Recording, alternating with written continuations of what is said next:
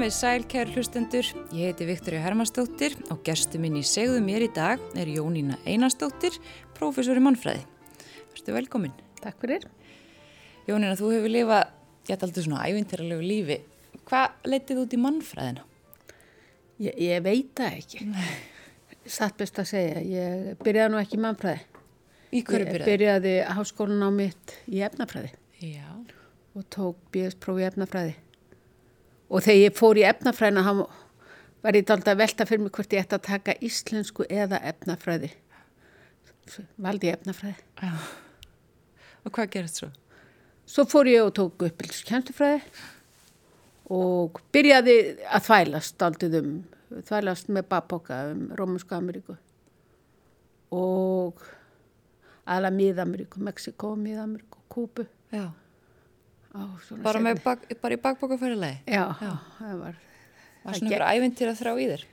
Já, gerði þetta sumir á þessum tíma og það er ennþá hún fólk að þvælast um heiminn með mismunandi hætti og, og uh, vegna þess að þá lærði ég spænsku svo að ég eftir að hafa, já, bara orðin vel svona málfæri í spænsku þannig að ég lærði nú fyrst, það er nú áhagvert, ég lærði fyrst að fóra námskeið í- í- hjá Rímur Hansen minni mig, hún hétt, hún kendi Íslendingum að dansa Já. og hún kendi líka spænsku. Og það var svona grunnur og svo fór maður bara og, og kom sér áfram á þessari spænsku Já.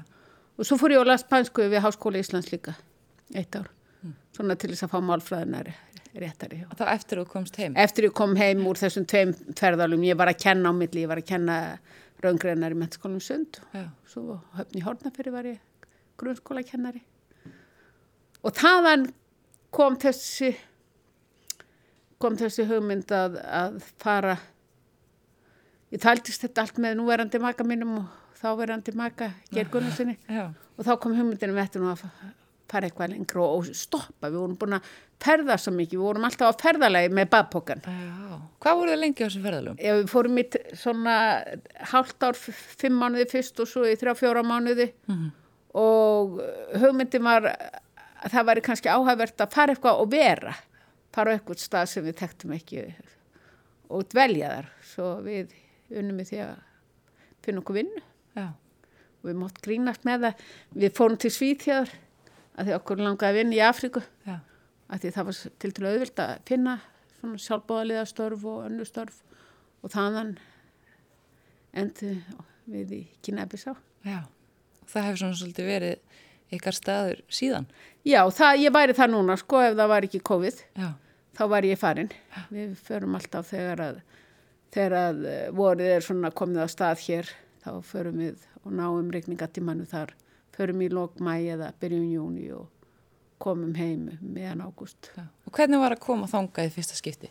Það var bara mörguleiti, það var mjög eh, fínt. Ég, ég var ráðinn sem kennari, ég kendi, eh, ég hafði kennarréttindi í raungreinum og ég var ráðinn sem kennari við meinatækniskóla í Bissá og kendi þar í þrjú ár og uh, það var bara ofsalega fýtt tími, einstaklega fýtt tími verð ég að segja og lærdomsríkur að mörgu leiti. Kendi á portugalsku, þá var ég búin að breyta spænskunum minni yfir í portugalsku og svo tölu langklistur kreól svo að þá svona byrjaði fyrsta skrefið ég að breyta svo portugalskunni í, í, í kreól Já. og uh, það var eiginlega eftir þá dvöl sem að við fluttum til Stokkons og þá byrjaði ég að lesa mannfræði. Já. Og lærður þú þá mannfræðina? Alla út í Stokkhólmi? Á Stokkons háskóla. Já. Grunnámið og doktorsnámið, þetta allt við Stokkons háskóla. Já. Og rannsóknuð þínar í dóttarsnáminu sneru að í Kínu og Bissá? Já, eftir átt ára dvöl og, og hafa fætt þrjá drengi, þá ákveðum við og Geir var búin að klára sitt, sína barnalækningar og nám og búin að taka doktorspróf, reynda byggt á gögnum frá Gínabisá. Já. Þá ákveðum fara aftur til Gínabisá. Og við fórum, það var 93, þá fórum við og, og Geir hafði fengið vinnu eh, sem ráðgjaði við héras, eða he- heilsugjastluna í Bjómbó héraði, sem er héraðið svona í kringum höfuborgina. og ég var búin að ákvæða þá að fara í dóttursnámi mannfræði og ætlaði að nota tíman á meðan og afla gagna fyrir dóttursfríkjum mína. Já. Við, við töðumst nú svolítið, vorum þarna í fimm ár, líka mjög vel. Hvernig er lífið þannig? Fyrir okkur sem búum á Íslandi Það er marbreytilegt, það er mjög marbreytilegt eh, lífið í Gínabissá. Við kynntumst mjög vel, ég myndi segja alveg sérstaklega á þessum fimm árum sem við byggum í litlum bæ sem reyndar var miðstu hérasins með svona 2-3 manns sem heitir Kynjamel, við kallum alltaf Kynjamelin og við kynntumst lífinu þar mjög vel og ég var eila stöðugt að, á þessu tímabili, fimm ára tímabili að blakagna fyrir dóttursreikjörð og í gegnum það allt þá kynntast við lífinu bara ágætlega held ég Já. og það var, það voru allar hliðar á því, það var bæði sorg og gleði og, og gaman og, og frístundur og, og puð Já. hjá öllum. Hvernig er þetta ólíkt lífinu í Íslandi? Efnagslega er það náttúrulega gjörólíkt en uh, ég hef stundum sagt, ég skrifaði, ég ætlaði að skrifa doktorsreikjur um brjóstakjöf. Ég hefði fengið áhuga á brjóstakjöf og fannst brjóstakjöf svo spennandi að það væri svona líffræðilegt ferli sem síðan stýrist svo mikið að menningarlegum þáttum og ég hefði hugsað mér að ég myndi skrifa doktorsreikjur um brjóstakjöf. En á meðan á þeirri gagnaöflun stóð þá kynntist ég eh, eitt sumari á Skrappits í Stokkons og einn félaga minn sem var skri- afla gagna fyrir sína dóttursríkjörð í Brasilíu sagði mig, Jóna, ég held að hér sé bók fyrir því. Hún heitir Tired of Weeping. Hún fjallar um mæður í Brasilíu sem að syrgja ekki döða barna sinna. Og ég sagði, já, þetta hljómar einkennlega og ég las þessa bók, vel skrifuð og skemmtileg bók. En það var einhvern veginn allt öfugt við það sem ég hefði kynst í gegnum einmitt gagnaöflun um brjóstakjöf. Já. Og þá ákvæði ég að breyta um stefnu eða hlýra mér aðeins til og fókusera á viðbrumæra við barnadöðu þar sem barnadöðu er mjög hár. Já. Er. Með þeim hæsta í heimi, já. Já. Á þessum tíma þá var hann svona alltaf þriðja hvert barn eftir, eftir héruðum þriðja hvert barn dó fyrir fimm ára aldur. Já. Og þar, það var sannarlega sorg þegar dóu. Þannig að þau tókust allt öðru sér á sorgina þarna heldur en í bókinu svo það er lesið.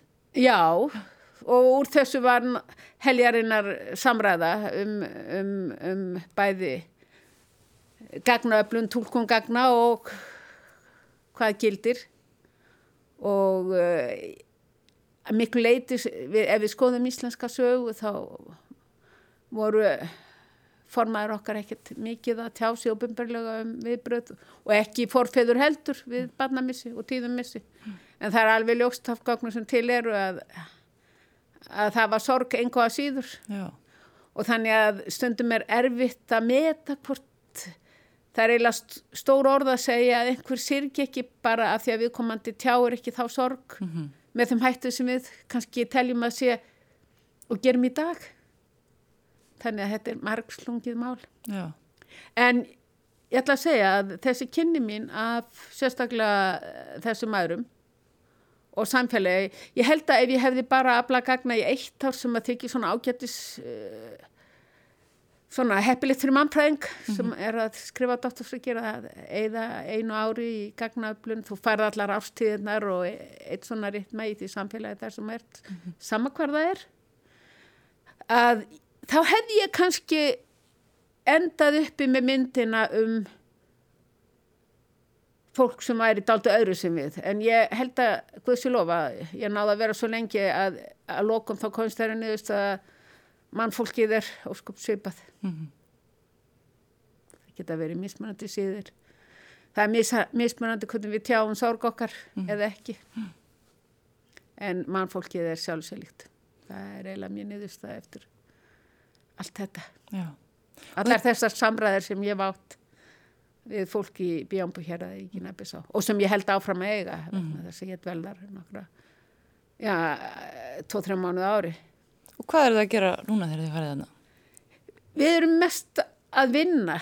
Eh, Það er, eh, nú erum við búin að koma okkur baðstöð, búum þá út í Þorpi í Bjómbu hér og það er alltaf nóga verkefnum.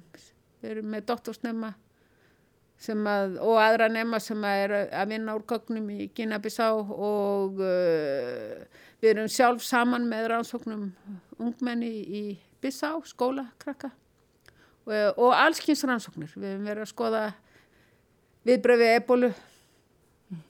Nú að með við byggum í, í Bjómbó eða á kynjamælnum hérna á tíund áratunum frá 93 til 98 þá komum tvær, tveir miklu faraldrar af kóleru við öflum talsið gagna um þá faraldra og um byrkreinar um það og e, það var mjög lærtánsrikt og það best að segja að það er e, þessir síðustu mánuðir minna mikið annan á þá lísrenslu mm. þó hún hefur verið að einhver leitum öðrum hætti þá er alltaf eitthvað svipað Já. að gerast Já.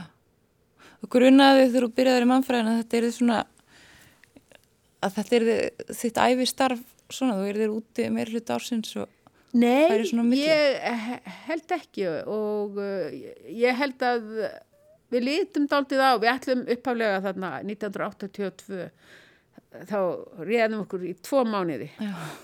Geir vann með uh, bönn barnalækningar mest á helskjástöðum og ég var í þessu kjænslustarfi og við litum með á þetta þá held ég svolítið sem hliðaspor í lífinu mm -hmm.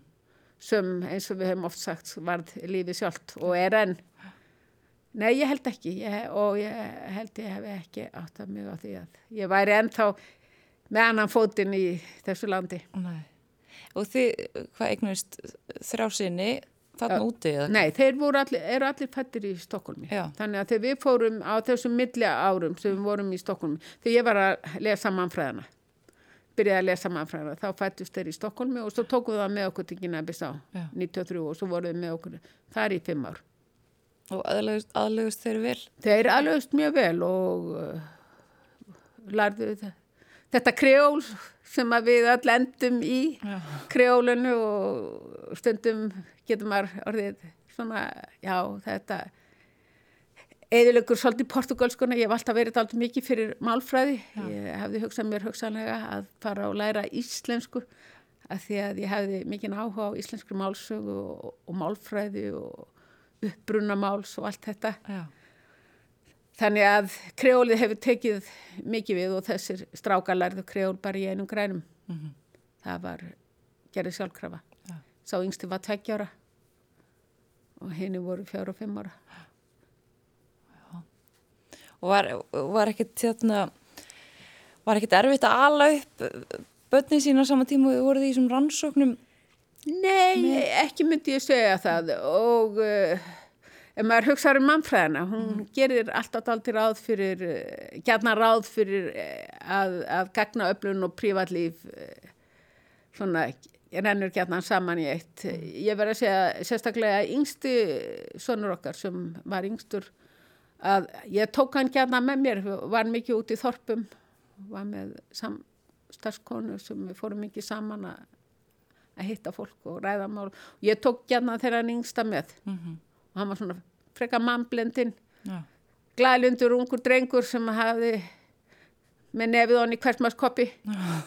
og það var frekar einfalt það var kannski bara hjálpað já það, það, og með hafandi í huga viðfóksefni þá er ég alveg vissum að það þótti sem sagt svona einhvern veginn eðlilegra að ræða þessa hluti mm -hmm. að við rættum líka mikið um brjóstakjöf og allt mögulegt sem fylgir því að vera móður og, mm -hmm. og kona og og ég vissum að, hafandi börnin með sér og eiga börn sjálf uh, já, það var bara heppilegt mm -hmm. uh, konum þarna fannst bara nokkuð gott hjá hvítur konu sem ég er að eiga þrjú börn þeim fannst þó miður að það var bara drengir já þau eru ekki að ættir í móðuleg og Já. það er mjög mikilvægt fyrir konur að egna stætur okay. og, og þess vegna sagt, var ítrekk að vera að spyrja mig hvernar stelpann kæmi. Hún er það að koma. Það væri ekki hægt að eiga bara stráka. En rannsóknir þínar hafa svona farið víða samt þú eru líka verið hérna heima, ég menna allt frá Gínu og Bissá yfir í sko sveitir á Íslandi. Já, rannsóknum mínar myndi ég segja, ég hef aldrei verið að fástu sömu viðfangsefni á Íslandi og í Gínu og Bissá eftir að ég síðan 2000 svo fluttum við áttur til Stokkons og ég var í Dóttaríkjur svo fluttum við til Íslands Já. eftir næstum 20 ára dvöl ellendis og þá byrjaði ég að gera fekk svona postdokkverk styrk til að skoða fæðingu mikill að fyrirbúra barna sem fæðist mikið fyrir tímana því ég hefði ennþá áhuga á viðbröðum við barnamissi Mm -hmm. og það er sá hópur á Íslandi sem er líklegastur til að deyja eða eiga við einhvers konar fællun að stríða. Mm -hmm. Ég vil þó það er alveg aðdánum verk hvað þau brakast vel þessi kríli. Já. Þannig að ég byrjaði á því og eiginlega styrti svo rannsókn mig enn frekar í þeirri niðurstöð sem ég var að, að mannfólkið er sjálfsöglíkt. Já. Og hver, þegar þú byrjar að rannsaka það, þá ertu að rannsaka bara fyrirbura? Þá ég að rannsaka meira viðbröðin við. Sagt, og, og, og, og viðbröðum við því að fæða barn sem að uh, er talið líklegt vegna þess að það fæði svo mikið fyrir tímana, talið líklegt að það muni eiga við ákveðin heils og farsvandamál að stríða mm -hmm. við, og það eru kenningar þarna um, það eru kenningar um að til dæmis um að konur helgi lífsitt svona betur hefnuðum börnum ef maður nota þetta leiðinda orðaval mm -hmm. og, og í, það kérna að tala um afkvæmi að, að, að, að konur keppist um það eiga sem sagt góð afkvæmi og, og hafi tilningu til þess að vanhyrða afkvæmi sem ekki eru eins hafi ekki tiltekkin gæði mm -hmm. og þá er það þetta leðenda hugta gæði sem er verið að velta fyrir sér Já. og hvað fælst í því og uh, það fekk mér til þess að að hafa áhuga á því að velta fyrir mér viðbröðum við uh, og líka siðfyrirlega álitamáli kringum mm. meðferð spurningar um að hætta meðferði Já. og ekki. Var, þetta hefur breyst svolítið ekki. Þegar þú byrjar að rannsaka, hvað ár er það? Það er 2001-2. Þá var, var börnum sem fættist í ákveðinu þyngd, þeim var ekki hjálpað? Jú, jú, þeim var hjálpað þá. Ef, ef við förum aftur til, til dæmis svona 1970, Já.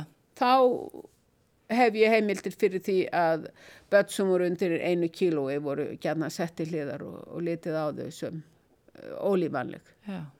Og ég, einhver leiti var ég að fásti þetta líka í sagt hvernig þú bregst við fæðingubar sem er álítið ólífanlegt. Mm -hmm.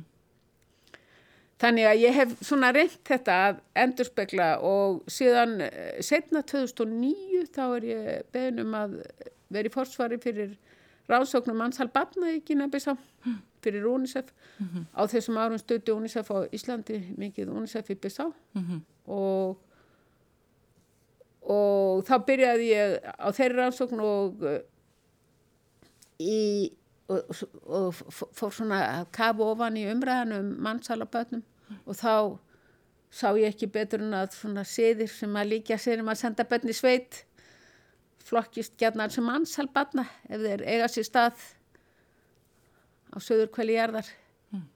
eða eitthvað starf til dæmis í Vesturafríku og þegar ég var að vinna þessari þessar rannsóknum sem ég hef síðan haldið áfram síðan, í gegnum þessar rannsókn þá var með þessum hóp kynasku mannfræðingur Hamadu Boaru hann er núna doktorsnemi og er að skrifa sína doktorsreikir sem mannfræðingur um sem sagt mannsalbatna eða aðalega drengi sem eru sendir í kóraskóla mm. Og þetta er mjög umdelt mál í Gínabissá og uh, svo byrjaði ég að hafa áhuga einmitt, ég fór að kafa meir hún í þetta. Þá fekk ég mikið áhuga á sinum að senda bönni sveit. Hér á Íslandi þá? Hér á Íslandi. Já. þannig að hugmyndin að þeirra hans kom þegar ég var í Gínabissá Það blandast oft svolítið svona saman Já, og, og, þá, og, og, það, og það var líka eitt æfintyri verið að segja að rannsaka síðan að senda bönnisveit, það Já. var einstaklega áhagverð Þa, Þannig úti er, er svipaður síðir flokkastundi mannsala stundum. En hér? Ekki, Valla sko, Valla, e, sko á þeim tíma sem að eh, siðurinn týðkast hvað mest, það er en þá börn að fara í sveit, bara í miklu minna mæli en áður. Hér áður fyrir var, ég menna, börnin, börnin fórum bara yfirleitt, borgarbörnin í sveit, bara hvað ég byrjum sumans og, og svo sástu þau ekkert fyrir um eftir haustið. réttir sko, eftir mann eftir réttir eh, þau sem voru lengst. Hmm. og við hefum við vorum hópur, ég fekk rannsóknstyrk frá Rannis. Og við vorum hópur sem fengust við þetta viðfangsefni. Vorum með félagsrákjafa með okkur og bókmentafræðing það er mikið skrifað um sena sendabæðin í sveit í bókmentum Já, og uh, þjóðfræðing og fleiri mannfræðinga og, vorum þetta aldrei að skoða þetta líka út frá sjónrænum gögnum og öðru. Vorum með okkur mannfræðingar sem að báðum unnið mikið með slíkt. Þannig að það var, var mjög skemmtilegt og við gerðum bæði eh, spurningalistakönnun um síðin og eina af okkar niðurstöðum er svo að um, þegar við gerðum þessa spurningalistakönnun sem var í loka árs 2016 að þá fór um 40% fullorðinni Íslandika sem státunar og eldri sem ekki voru aldrei upp í sveit Mhm. höfðu farið í sveit þannig að það sýnir hvað síðan var ótrúlega útbreytur já, það segir sér náttúrulega sjálft við og ég telst til þeirra Mhm. sem erum alveg upp í sveit við fórum ekki sveit, við vorum í sveit já, ertu alveg upp í sveit? Já. Já, hvar? í Dölum, Lagstadal Já. Og kom ykkur krakkar í sveit til ykkar? alltaf var krakkar í sveit á hverjum bæ. Og fleiri neitt og fleiri en tveir. Já, þannig þú, þú þekktur vel ég tekki síðan frá þeirri Já, og, og það var mjög áhævert vegna þess að við sem vorum í þessum hóp uh, sömur höfðu farið í sveit við vorum uh, tvö sem höfðum alist upp í sveit og svo voru tveir einstaklega sem aldrei höfðu farið í sveit. Nei, að neinu viti sem hættir að kalla við teljum ekki með sumardalaheimilin það, uh, við skilgrundu það að fara í sveit er ekki að dvelja á sumardalaheimili í einhverja vikur nei, svona sumabúðum þá. Já, nei, þú, að- fara í sveit er að vera á sveitabæ. Hvernig, hverju voru svona helstar, helstu niðurstöður ykkar? Það? Það, það voru ímislegt sem ég verði að segja koma óvart. Það var búið að vera mikil umræða um breyðamerkur heimilið, mikil umræða um börn sem hefðu verið senda á stopnanir og ef þú skoðar bókmyndirnar þá er mikið af ljótum sögum frá því að frá sveitavistbarna þar sem að bæði þraldómi og ofbeldi af ímsu tæ en niðurst okkar er svo að Í- Íslendingurinn er almennt mjög sáttur við þennan síð og sérstaklega þeir sem fór í sveit Já, þeir eru sáttari við síðan en þeir sem fór ekki. Og álíka sáttur við síðan og þeir sem er aldrei við sveit. Já, og svona 85-90% þeirra sem fór í sveit eh, eru sáttir við þá lífsreynslu að hafa farið í sveit og, og telja hana að einhverju leiti hafa haft jákað áhrif á, á líðara. En samtímis myndu margir af þeim segja að það var ekkert alltaf létt. nei, Það var mikil vinna og svo heimþráin. Og það er mjög áhagvert ef ég, þegar ég tala um heimþrá, eh, ungi drengir sem eru sendir í kóranskóla til Senegal frá Ginebisá, mm. og ég talaði sérstaklega mikið bara fullanda kappmennum sem fóru sem kóranskóla drengir sem börn. Og þegar ég spyr um hvað var erfitt, þá tala þeir um heimþrá. já, Þeir hafa saknað mömmu sinnar segjar, og það segja líka margir íslendingar sem voru sendir. Já. Þeir eh, höfðu heimtrá. En mér særði við það. Hjá sömum var hún mjög langvarandi en aðri bara ein, ein, tvo daga sér og svo var maður búin að gleyma þess saman. Og, og mjög margir eh, eiga mjög góðan minningar. En það er líka hópur og ég vil ekki gleyma honum. 85-90% segja 10% eru ásáttir og það er eh, hópur sem við verðum að hlusta á og, tak, og hafa í huga.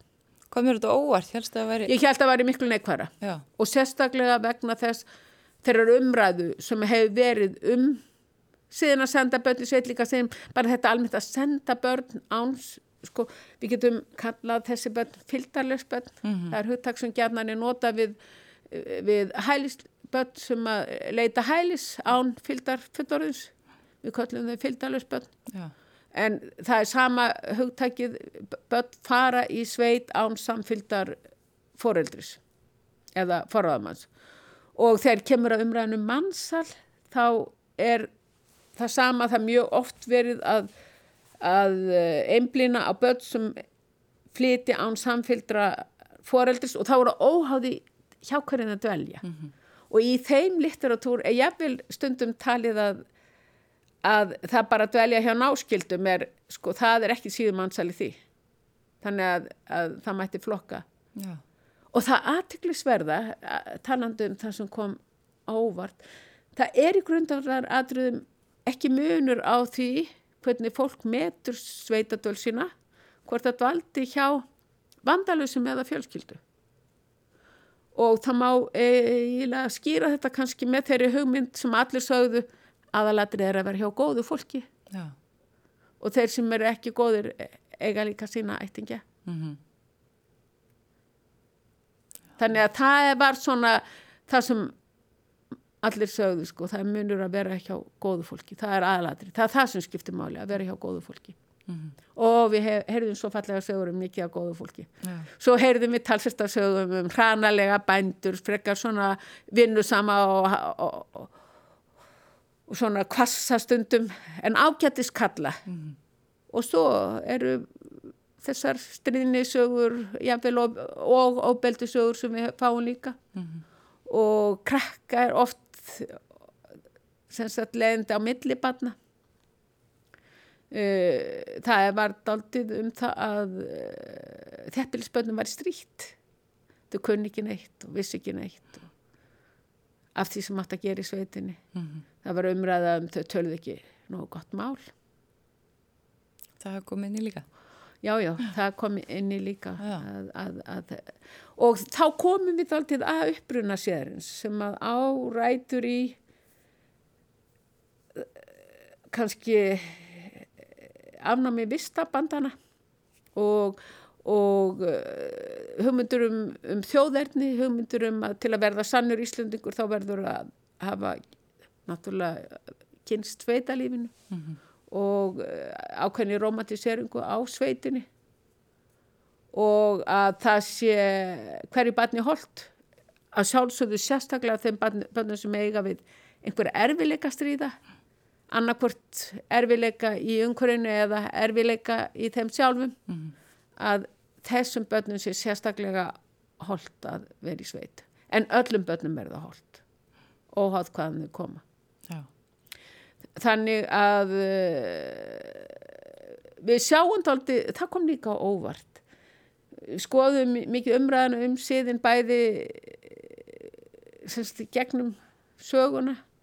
Og það er daldi sama umræða sem á sér stað en þá uh, við aldamóti 1900 og aldamóti 2000 Já. og það er svolítið þetta um uppeldiskludörk sveitana sem uh, mikilvæg fyrir börnin og, og svo Já. og eh, öllum börnum sé holdt að læra að vinna Já.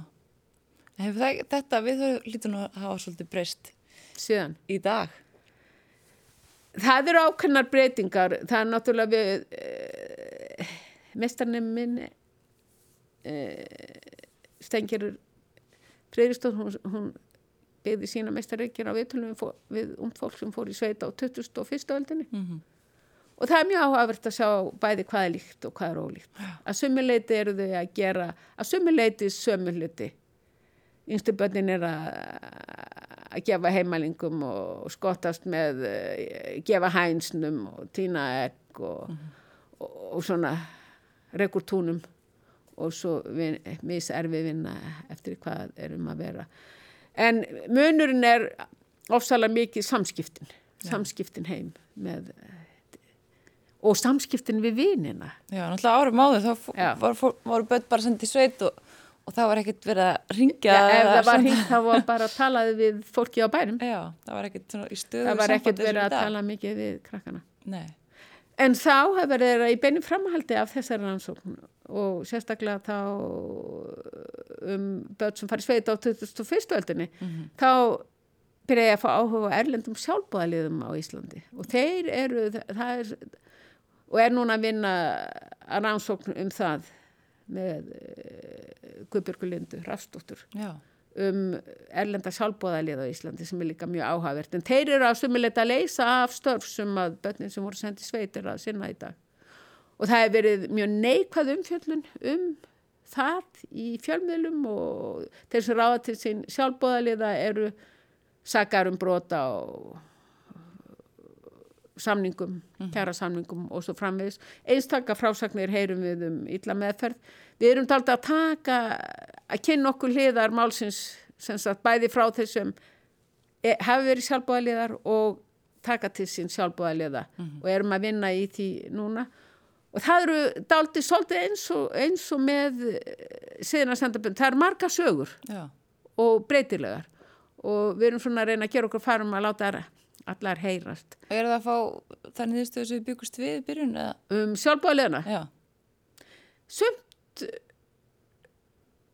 er, við erum svona rétt að byrja að, að, að fá að heyra sögur þeirra sem ha, taka sjálfbóðlega, það er hópur sem er vegna umræðanar er daldi varum sig, vil fara hljótt, finnst að þeir hafi verið sakar um glæp, en við erum að fá svona allskins svona breyða hugmynd um það af hverju þessi hópur ræður til sem til dæmis hreinlega bara vegna að þetta sé svo skemmtilegt fólk. Já, og það sé svo gaman að hafa það og einhver sem býr einn eða bara ein hjón þá sé svo gaman að fá svona nýtt fólk sem að sé skemmtilegt. Við höfum líka séð að stundum þegar kemur að vinnu skorpu í landbúnaðarsamfélaginu þá bara útiloka að ráða starfsfólk, það vil engi ráða sig á svona stuttan tíma þannig að eina leiðin til þess að fá aðstöð er að ráða. Við erum að byrja daldið á þessu þannig að, að ég á örglettur að heyra alls sögur.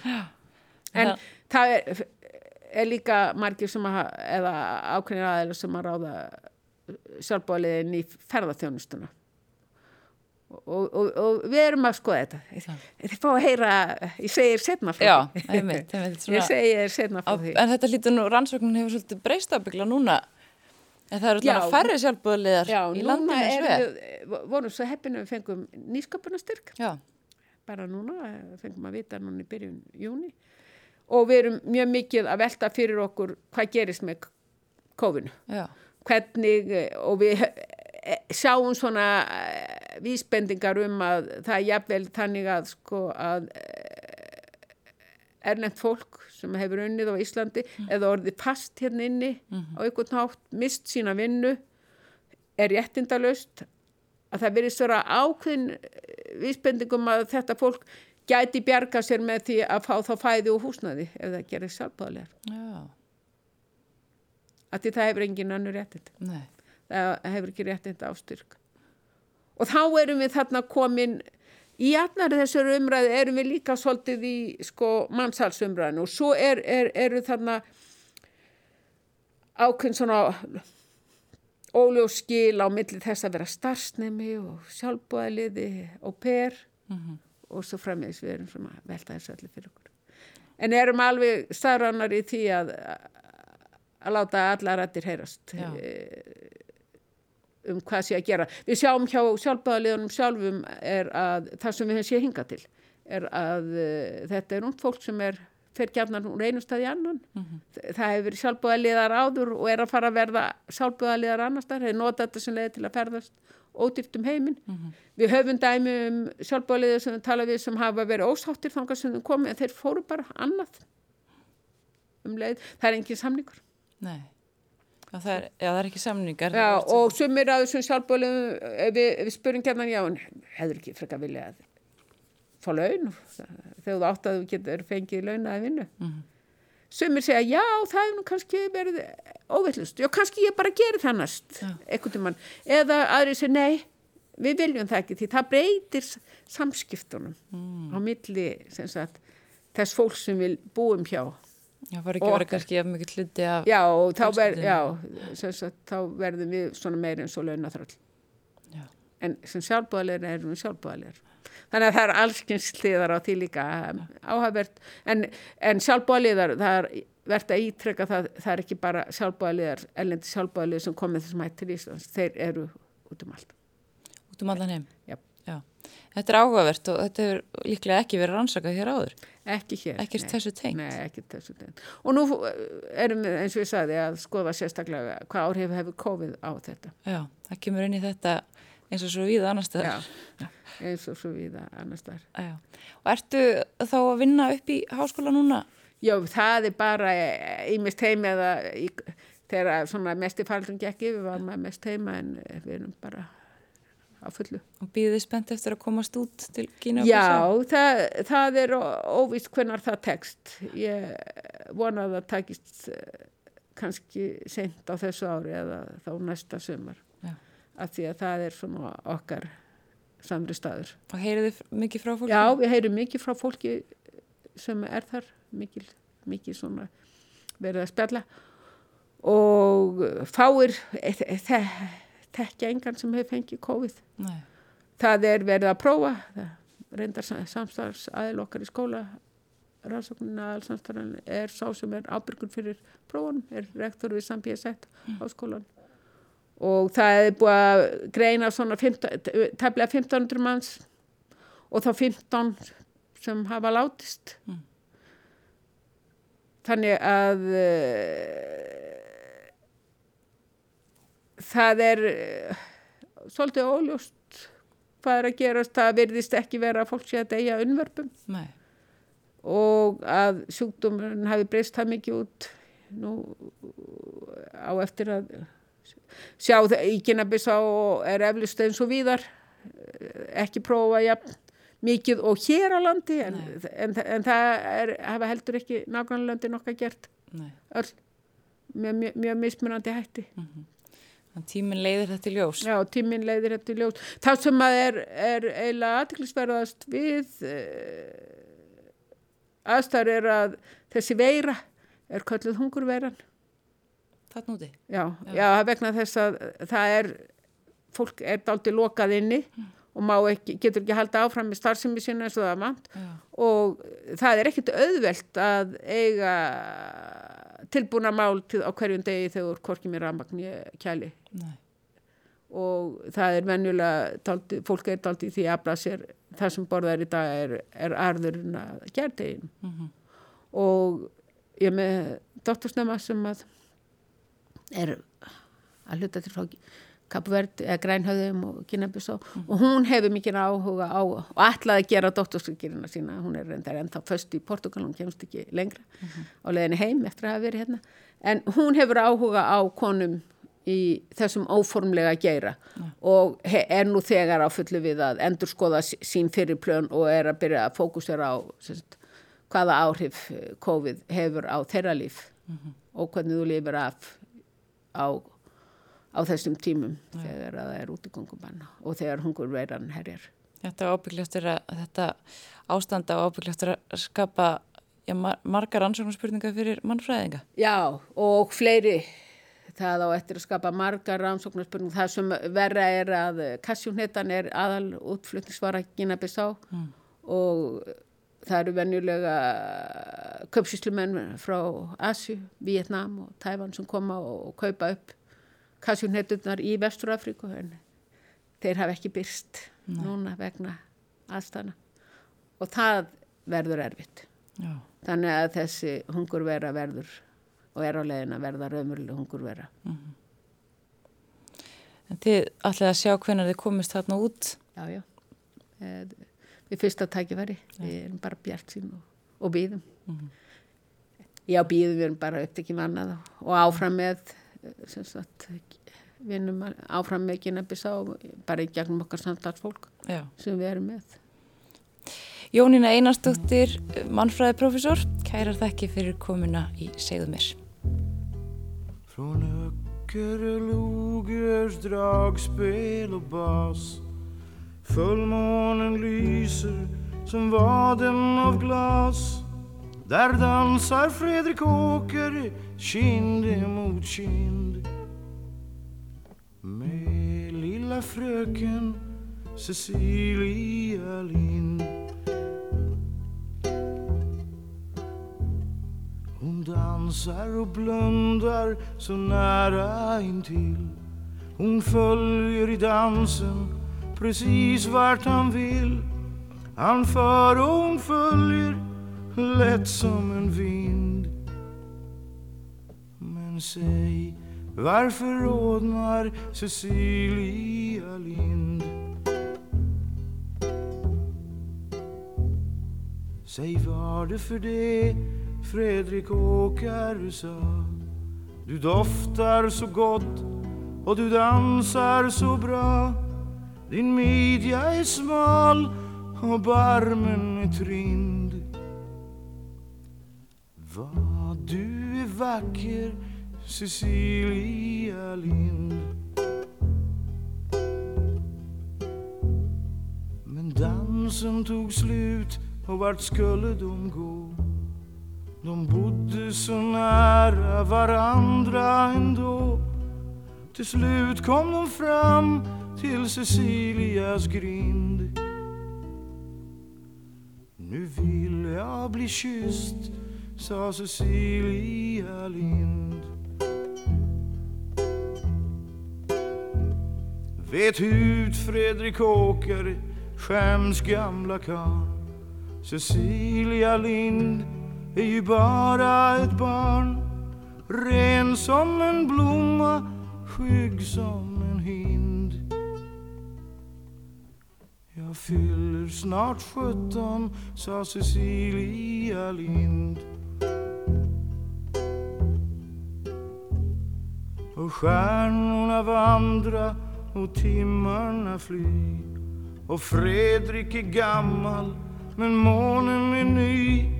Ja, Fredrik är gammal men kärlek är blind. Och kyss mig igen sa Cecilia Lind.